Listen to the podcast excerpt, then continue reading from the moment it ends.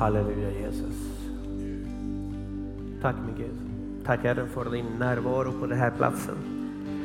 Tack min Gud för att din helige Ande rör sig mitt ibland oss. Tack min Gud för, för din nåd, för din kärlek. Tack för att du är en Gud som talar, du vill tala till våra liv idag Herre. Öppna våra öron, öppna våra hjärtan min Gud så vi kan ta in det du vill säga idag Herre. Tala Herren, din församling lyssnar. Halleluja. Halleluja min Gud. Halleluja Jesus. Halleluja Jesus. Varsågoda och eh, sitt. Tack så mycket lovsångsteam. Kan vi ge, ge dem en, en applåd? Tack.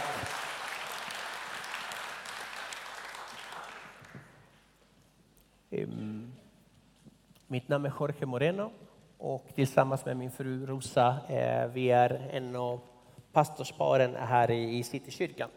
Eh, så du är hjärtligt välkommen om du är här för första, andra eller tredje gången. Vi har eh, haft en predikoserie de senaste, de senaste månaderna. Där vi har pratat väldigt mycket om att gå tillbaka till rötterna. Att gå tillbaka till den apostoliska församlingen, att gå tillbaka till den första församlingen. Eh, varför? Och det är för att vi vill se, vi vill uppleva och vi längtar efter det de fick se, det de fick leva och det de fick uppleva. Vi vill ha det och vi tror på att Herren är densamme igår, idag och i... Yeah, det är bra. Eh, så låt oss läsa tillsammans eh, Apostlagärningarna kapitel 2. Det här är texten som vi har gått, eh, utgått ifrån de senaste månaderna. Apostlagärningarna kapitel 2, vers 41 och framåt. De som då tog emot hans ord döptes och så ökade antalet lärjungar den dagen med omkring 3000. De höll troget fast vid apostlarnas lära och gemenskapen, vid bröstbrytelsen och bönerna. Och fruktan kom över alla och många under och tecken gjordes genom apostlarna. Alla troende var tillsammans och hade allting gemensamt. De sålde sina egendomar och allt vad de ägde och delade ut till alla efter vad var och en behövde. Varje dag var de endräktigt tillsammans i templet och i hemmen bröt de bröd och höll måltid med varandra i jublande innerlig glädje. De prisade Gud och var omtyckta av allt folket och Herren ökade var dag skaran med dem som blev frälsta. Amen. Det är en fantastisk berättelse eh, som beskriver det som, eh, det som hände då när Herren rörde sig bland de troende. Och man tycker det är fantastiskt. Mm, tänk att några få kommer den helige Ande och helt plötsligt är några tusen. Och det fortsätter och det fortsätter. Det är en växande skara och man tycker det wow. Och jag tänker bara wow, vilka utmaningar finns också finns i mitt i allt det där fantastiska. Men man märker också i beskrivningen att det finns en atmosfär. För jag ser till exempel att här finns det enhet, här finns det jublande och innerlig glädje.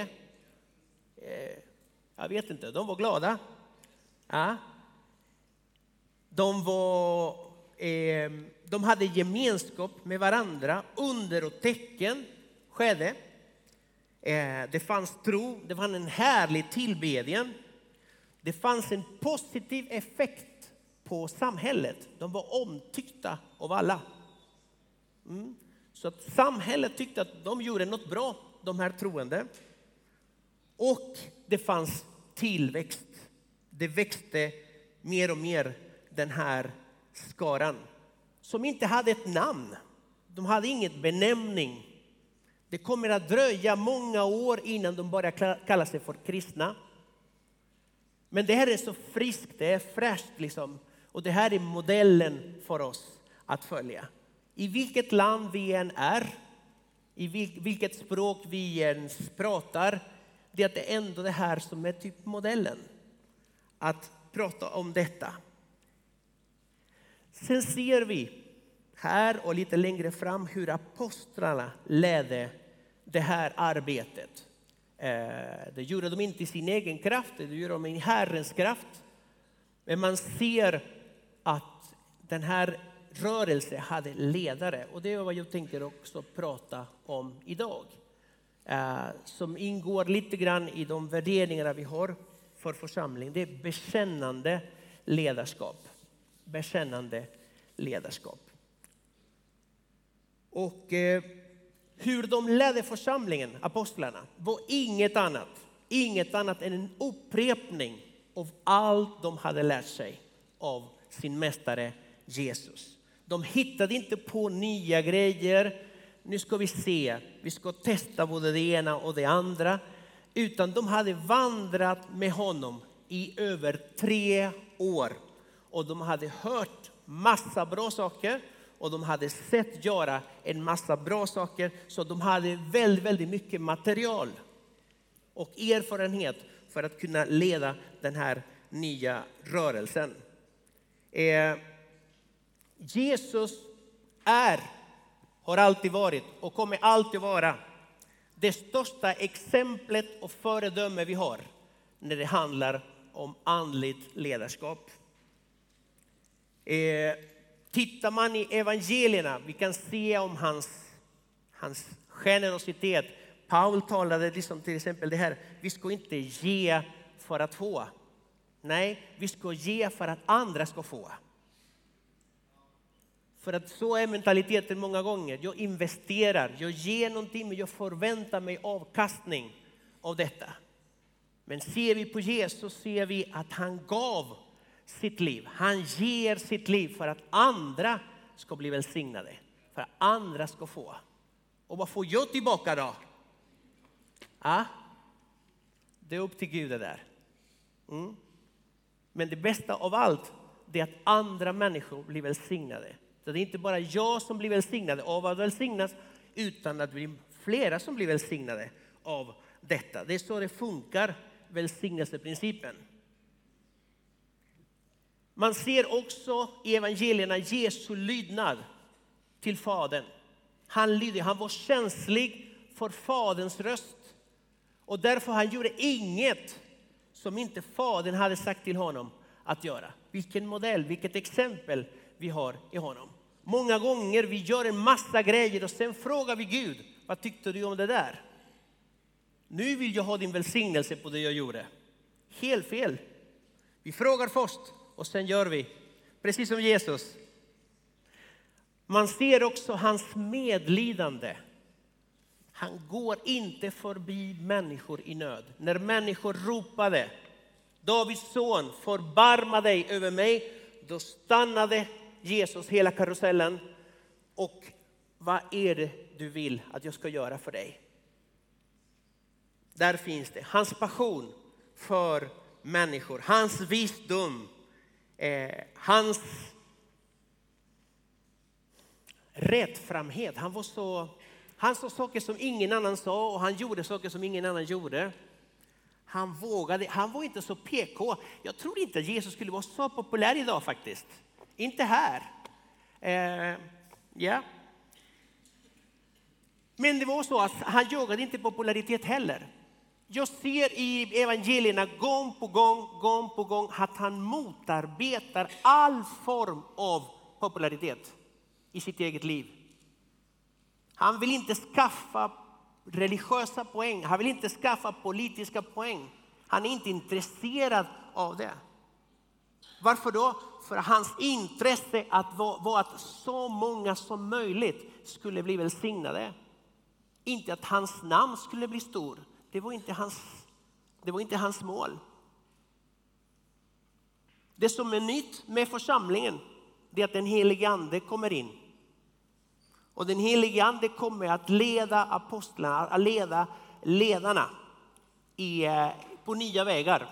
Och det är fantastiskt att se hur, hur, hur de lyder. En Filippos som är mitt i en kampanj, mitt i allt det där. Och den helige Ande säger, nej vi lämnar allt det här och nu ska du till öknen.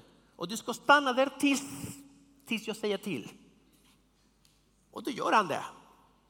Och han stannar och väntar. Och helt plötsligt kommer en vagn. Och då säger den helige Ande, gå bredvid vagnen nu och lyssna på vad den där snubben säger. Och han lyssnar på en, en hovman som läser Bibeln.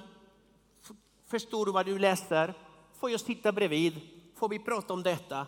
Och den där mannen tar emot Jesus. Enligt traditionen, det här är början på det som kallas den koptiska kyrkan i hela Nordafrika. Han tar evangeliet dit. Tänk ett samtal, att lyda vad Herren säger.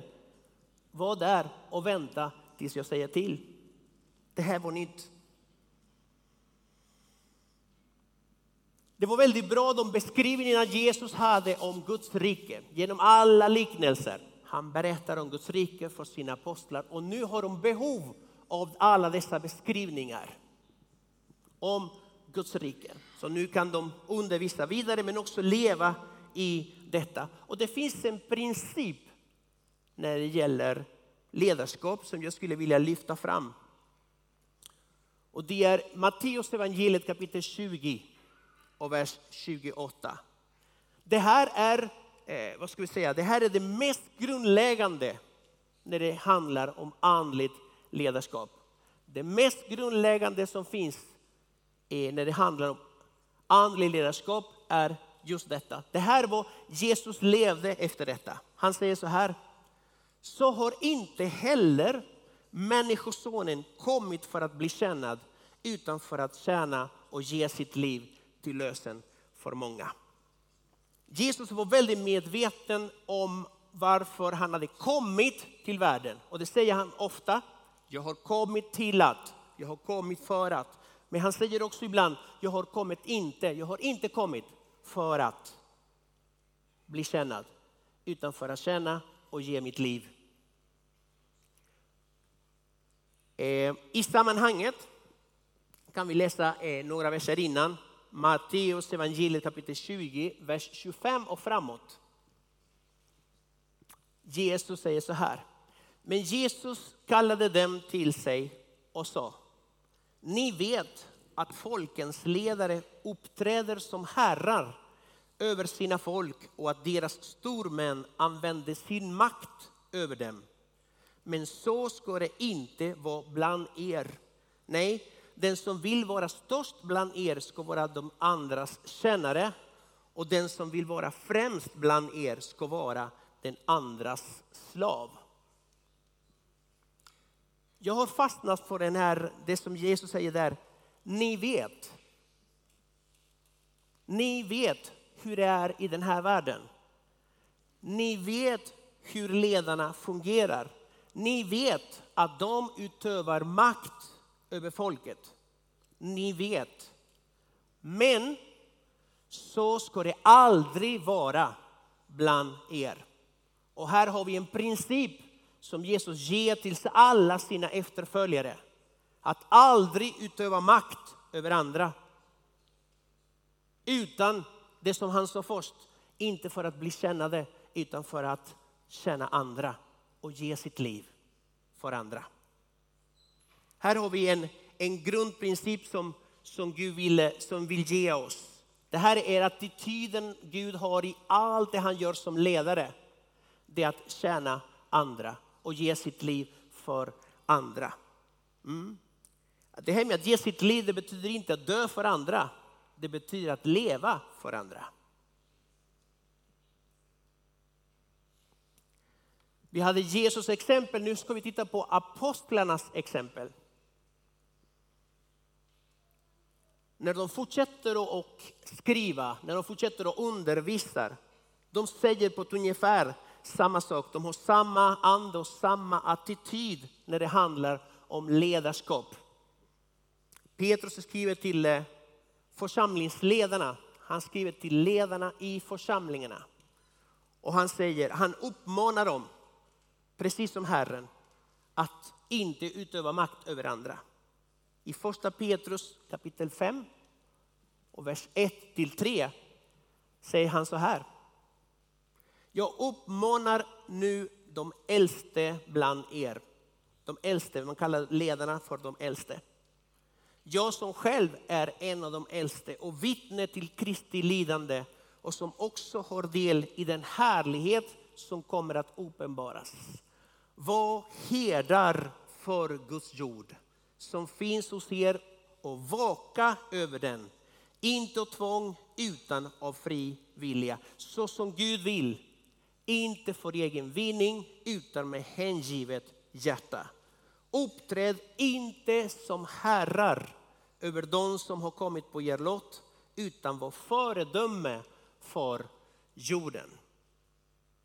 Var inte herrar utan var herdar. Kontentan i detta det är att vi ska inte ha den attityden att bli kännad, att jag vinner något på detta, att mitt namn blir stor, att bygga en, en, en organisation som lyfter mig, utan precis tvärtom. Att man ska bekänna hela kroppen, hela Guds kropp. Den attityden hade Jesus, den attityden hade också även apostlarna. En sak som jag har funderat på ibland är att vi tror att vi väljer våra ledare. Men när jag läser Bibeln upptäcker jag mer och mer att Gud sänder ledare till sitt folk. Låt oss läsa Matteus 16 och 18. Det är, det är den största proklamationen om församlingen, om Guds församling. Det är Jesus själv som uttalar detta. Och han säger i Matteus 16 och 18, jag säger dig, du är Petrus, på grekiska Petro. Men på denna klippa, Petra, ska jag bygga min församling och helvetets portar ska inte få makt över det. Skulle vi se en film när Jesus talade här, han säger till du är Petrus, Petro. Men på denna Petra ska jag bygga min församling. Guds församling är byggd på Gud själv, på Jesus, han som är den eviga klippa. Och han tar ansvaret för konstruktionen. Han tar ansvaret för utvecklingen, han tar ansvaret för tillväxten. Han säger, jag ska bygga min församling. I det där jag ska bygga min församling ingår vilka ska leda församlingen. Jag ska bygga min församling. När folk ropar efter hjälp, Gud svarar på våra behov. Så han hör vårt rop och han svarar. Och han ger oss många gånger människor som ska till välsignelse för oss. Det finns en, en, en bibeltext här, Jeremia 3 och 15, som säger så här. Jag vill ge er herdar efter mitt hjärta och de ska föra er i bed med förstånd och insikt.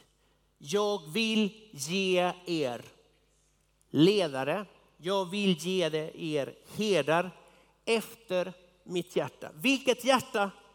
Ja, det som vi pratade om och beskrev i början. Människor som vill tjäna andra och ge sitt liv för andra. Sådana ledare.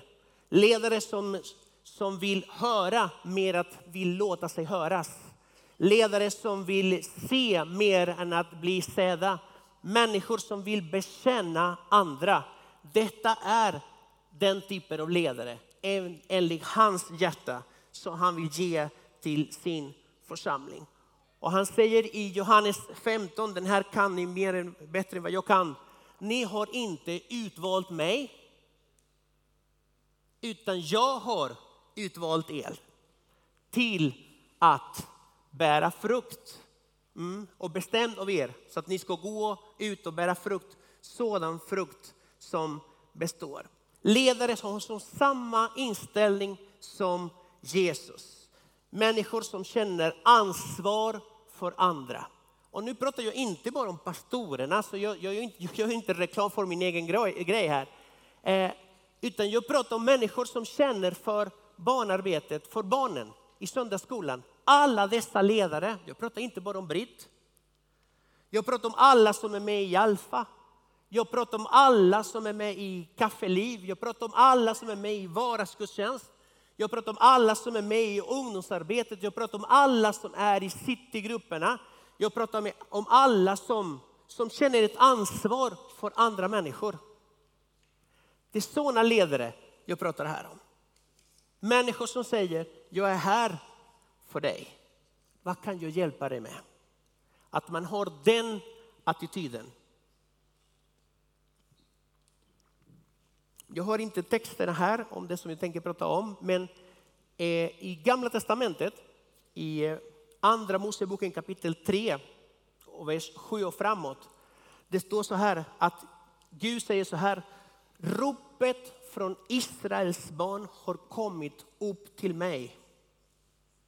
Och jag har nu sett hur egyptierna förtrycker dem. Gå nu, det här är samtal mellan Gud och Mose. Jag har hört ropet åt ett folk, mitt folk ropar, gå nu. Jag sänder dig till farao. I domarboken, det pratas om Otniel, den första domaren. Det står så här i kapitel 3, vers 9 i domarboken. Men Israels barn ropade till Herren och Herren lät då en frälsare uppstå bland dem som räddade dem, nämligen Otniel. Folk ropade och Gud sände någon till att hjälpa. Vi ser i Nya Testamentet samma princip, samma sak. Vi ser en man som ropar till Gud. Han heter Cornelius. Han finns i Apostlagärningarna kapitel 11. Ja, det var 11. Eh,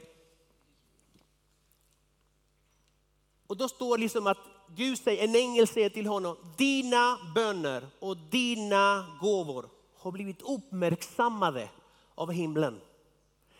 Därför ska du fråga efter någon som heter Simon som kallas Petrus att komma till dig. Han ska tala ord genom vilka du ska bli frälst, du och hela din familj. Återigen, en man ropar, Gud sänder. Vilka sänder han? Han sänder sina herdar. Han sänder sina profeter, han sänder sina evangelister, han sänder sina ledare, han sänder sina kännare och tjänarinnor. Han sänder alltid sitt folk, sina ledare för att bli till välsignelse för de som ropar. I Cornelius fall, det var en människa, en människa som längtade efter Gud och en människa som längtade efter Guds frälsning. Och den längtan gjorde att han tog med sig hela familjen och alla nära och kära, alla han hittade. Så det huset var proppfullt när Simon kom och började predika. Och den längtan som fanns i huset var så stor att Petrus han inte komma till amen. Han gjorde ingen fin knyta ihop påsen grej.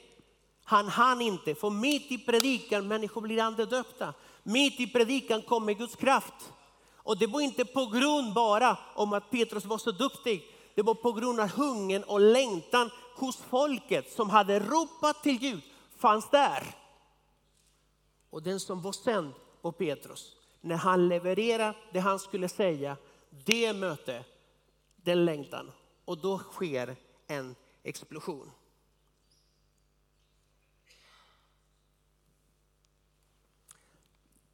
Jag tror att det finns många människor i Stockholm som ropar.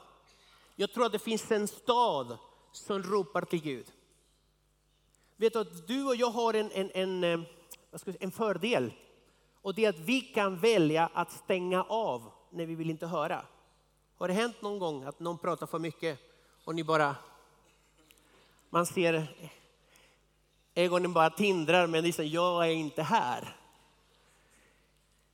Eh, ibland kan man titta på något program som man tycker är lite jobbigt och sådär och då snappar man bara vidare till något som är roligare. Så kan inte Gud göra. Gud kan inte sappa vidare, Gud kan inte stänga av när människor ropar efter honom. När människor ropar, finns du Gud? När människor mitt i en situation, ser du mig Gud? När människor är helt desperata. Var är du Gud? Jag vet inte om du har någon gång gjort det, jag har gjort det. Var är du nu? Finns du på riktigt?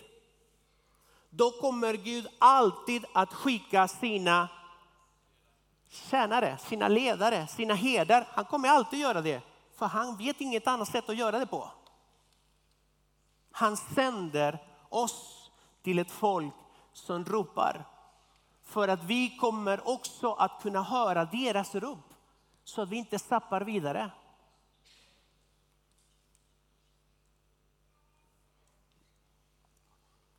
Därför är det viktigt att vi ber för våra ledare. Det var någon som sa häromdagen, jag tyckte det var väldigt bra. Man kan inte hata, kanske hata var ett, ett fult ord, men man kan inte hata den man ber för. Så sa. Man kan inte hata den man ber för. Man kan inte sluta, äh, får se. Jag gillar inte pastorn. Ja, be för pastorn. Be och be och be för. Det kommer känslorna att komma. Ett ansvar och en kärlek för den som, eh, som leder församlingen. Det är mycket lättare att kritisera pastorn, pastorns familj, pastorns barn. Det är mycket lättare än att be för dem. Men när vi läser Bibeln, det står inte kritisera era ledare hur mycket ni bara kan, utan det står så här, tänk på era ledare. Tänk på era ledare som har predikat Guds ord för er. Se hur de slutar sin levnad och följ deras tro. Så Bibeln uppmuntrar oss att be för våra ledare. Och vet du vad vi gör när vi, när vi gör så här? Vi skapar en kultur, en ledarkultur där vi respekterar våra ledare, där vi talar bra om våra, och när jag pratar om ledare pratar jag inte om pastorerna. Jag pratar om alla våra, alla våra tjänare, alla våra tjänarinnor, alla som är i tjänst, alla som känner ett ansvar för det här huset, för den här församlingen, för det som Gud gör här. Vi talar inte illa om varandra, utan vi uppmuntrar varandra. Vi tror på varandra. Det största en ledare kan göra med en annan människa, vet du vad det är? Det är att tro på den personen. Du och jag är kallade att tro på andra, att satsa på andra, att vara generösa mot andra. Då skapar vi också en kultur. Då skapar vi också en kultur.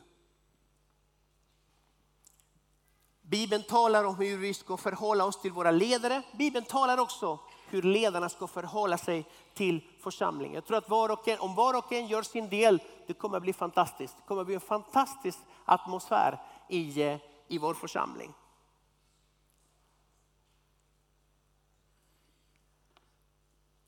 Jag tror att Herren vill eh, förbereda en armé av ledare, en armé av kännare. Jag tror inte det har vi på, vi håller på här, det är att bygga en församling där vi har en, en superpastor som kan allt. Utan en armé av pastorer, en armé av ledare, en armé av profeter, en armé av evangelister, en armé av utsända, en armé för att välsigna så många som möjligt.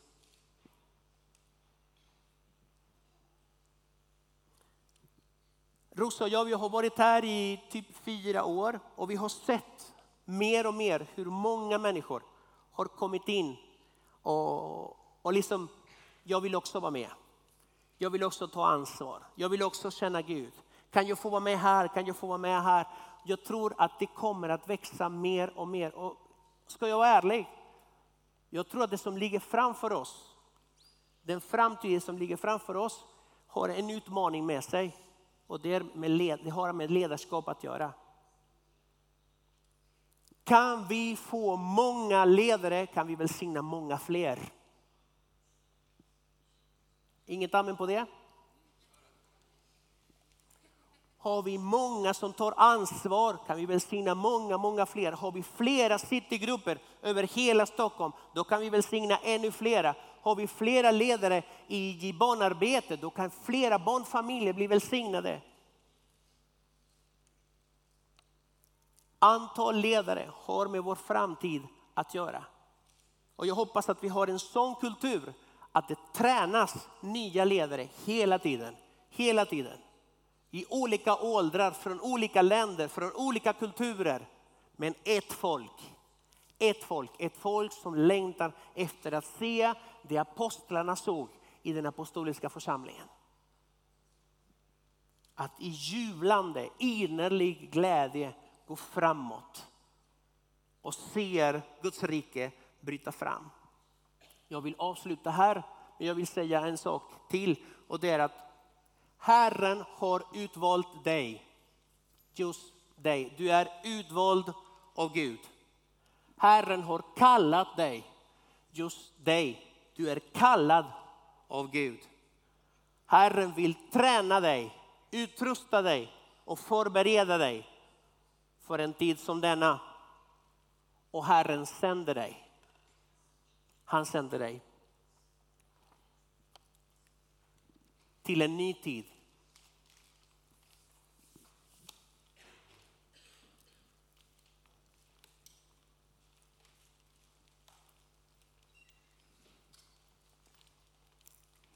När jag förberedde det här upplevde på något sätt att, att Gud förnyar sin kallelse. Och det är till människor som har varit i tjänst förut. Men av olika anledningar har man tagit lite avstånd. Jag tror att Gud håller på att kalla tillbaka. Det är dags min vän. Det är dags min dotter, det är dags min, min son att komma tillbaka in i tjänsten. Jag behöver dig för det som komma skall. Jag hörde en gång, det var Pelle Hörnmark predikade, det fastnade i huvudet. Ibland finns vissa grejer som man kan inte glömma. Och han pratade om bönebarnen. Han pratade om den generationen, det finns en hel generation som, som har försvunnit ur kyrkorna. Och han sa det kommer en tid där Gud kommer kalla dem tillbaka. Och de är reserverna. I varje krig det finns alltid reserver och de kallas in. De kallas in för det som komma skall. Jag tror att Gud kallar alla nu. Gud kallar en och en, en och en. Du ska vara, du ska vara i tjänst, du ska vara i tjänst. Och du kanske har hört Guds kallelse men inte gensvarat. Jag tror att det är dags. Bara här är bara, jag tror att Gud har påmint dig tidigare, jag bara påminner ännu en gång. Att Gud kallar sina ledare. Han sänder sina tjänare. Han sänder sina herdar till sitt folk för just en tid som denna kan vi stå upp en liten stund.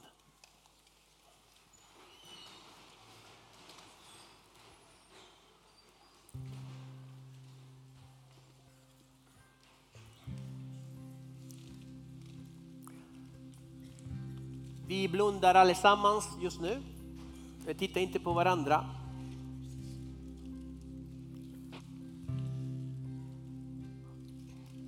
Om du upplever om du upplever att Gud har talat till dig på något sätt. Att det finns någonting som på insidan som säger, jo, Gud kallar mig. Det jag skulle vilja göra just nu är att bara be för dig. Be en bön för dig. Och du kan räcka upp en hand inför Gud, inte inför mig, men inför honom. Att Gud, jag vill respondera på din kallelse. Gud, jag vill ge mitt liv för andra. Gud, det är dags för mig att komma i tjänst igen.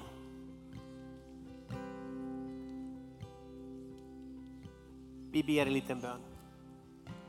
Herre min Gud, Vi tackar dig. Tack Jesus för att du ser varje hand som räcks upp som ett eh, vittnesbörd min Gud. Att det finns en längtan bakom. En längtan efter att komma i tjänst. Tack Gud för att du kallar oss till det som du har förberett för oss i den närmaste framtiden. Herre min Gud, vi, vi är medvetna att det finns en ny säsong framför oss. Och in i den säsongen min Gud finns det människor som är kallade av dig, som är tränade av dig min Gud och som du sänder till den här nya tiden. Gode Gud, välsigna var och en av oss. Ta bort all form av apati min Gud från våra liv. Öppna våra ögon så vi kan se min Gud det du ser. Jesus min Gud, sätt våra hjärtan i brand. Din passion min Gud. Att det ska fylla våra hjärtan Herre. Tack Jesus för allt du har förberett för oss som folk. Vi är ett folk inför dig min Gud som säger ja, sänd oss. Här är vi, sänd oss min Gud. Och hjälp oss att ha samma mentalitet, samma hjärta, samma, samma passion min Gud. Som du. Vi är inte här för att bli kännade utan för att känna andra och ge vårt liv för andra. I Jesu namn.